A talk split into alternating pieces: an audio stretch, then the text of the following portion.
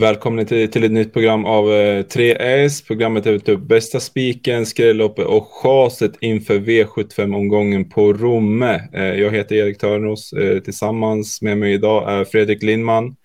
Läget Fredrik? Eh, tack, det är bra. Man, eh, man går som på mål nu när man har sett topptävlingarna från onsdags precis. Mm. Ja, vad säger du om eh, tävlingarna överlag? De i onsdags var ju grymma som väntat. Både EM för ston med Great Skills var ju fantastiskt och så Francesco sett igen då såklart. Mm. Eh, det blev ju ganska mycket körningar också och de var ju mm. bara bäst. Så det ja, men det var... bra.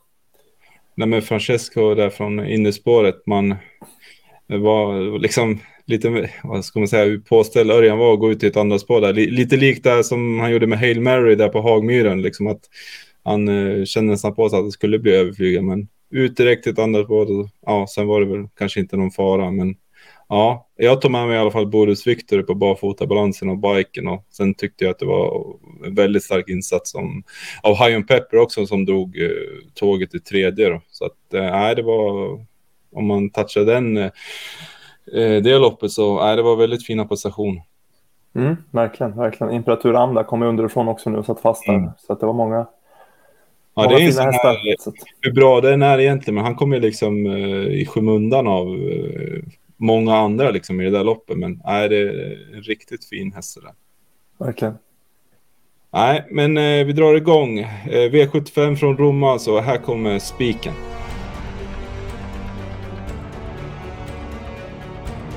Spiken, Lindman, har vi en lika bra spik som igår den här gången?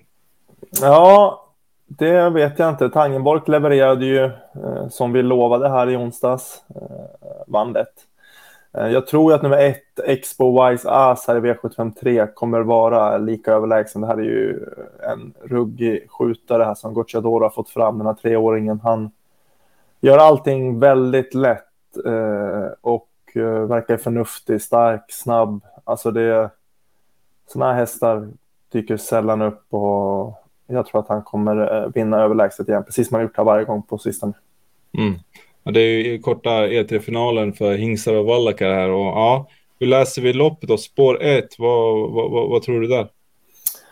Ja, alltså han har ju inte begärt någonting från, från start här, Gocciadoro, det har man ju sett, utan han har bara låtit hästen eh, lunka på egentligen bakom vingen, men ändå visa helt rätt eh, uppfattning här och inställning och, och är avslappnad och fin bakom bilen, så att att han kan öppna snabbt när Gocciadoro vill, det tvivlar jag inte en sekund på. Men sen kan man göra som Örjan Kihlström gjorde med Francesco Zet i onsdags också. Att har man en överlägsen häst, då behöver man inte blanda sig i några no, tokkörningar och sådär, utan då kan man bara fokusera på att uh, ta sig runt egentligen distansen, för då, då vinner man.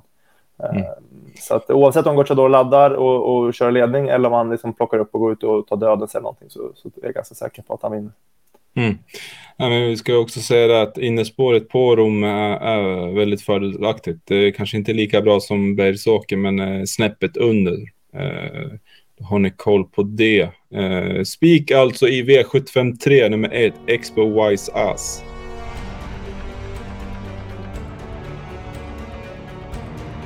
Spiken avklarad. Eh, vart ska vi hitta skrällarna, Lindman? Ja, jag tänker att vi tar skrälloppet här i V75 7. Eh, det hade vi också som skrällopp i, i onsdags. Va? Jag har att det skrällde rätt rejält i V757 också. Så att, där prickade vi in rätt rubrik också och, och, vi tänker oss att vi gör så igen här i V757. Det är um, ett väldigt öppet lopp tycker jag och favoriten här, Don Segar, Gocciadoro igen här, men det är ett fyraårigt sto mot äldre killar nu. Så att jag tycker att det finns fog för att uh, gardera henne och det här loppet rejält. Mm, ja, det är lite, lite annat eh, när man går ut mot stentuffa hingstar och vallacker. ja, eh, hur många, eller, eller jag säger så här, vilken ska vi se upp med i det här loppet? Ja, men det är flera. Jag tycker man kan liksom sträcka på nästan så mycket man uh, har råd med här. Jag, framförallt får man inte glömma nummer 6 Global Classified, tycker jag. Den hästen gör ju verkligen höj, eller höjer sig hela tiden med uppgifterna och har ju utvecklingskurva som pekar spikrakt uppåt och har gjort det hela året. Vi har bilder här när han hade ett liknande läge för på fem då och visar hur snabb han är bakom bilen. Framförallt explosiv de här första stegen. Så jag tror att han kommer kunna köra till sig en riktigt bra position. Kanske till och med komma till ledning initialt här med sex Global Classified. Mm. Han har också fått två lopp i kroppen och kördes väldigt passivt senast och, och det löste sig bra där på bortre lång och gick undan till en säker seger. Och, nej, två lopp i kroppen där, då, då, då ska man inte missa eh, Global Classified nummer sex.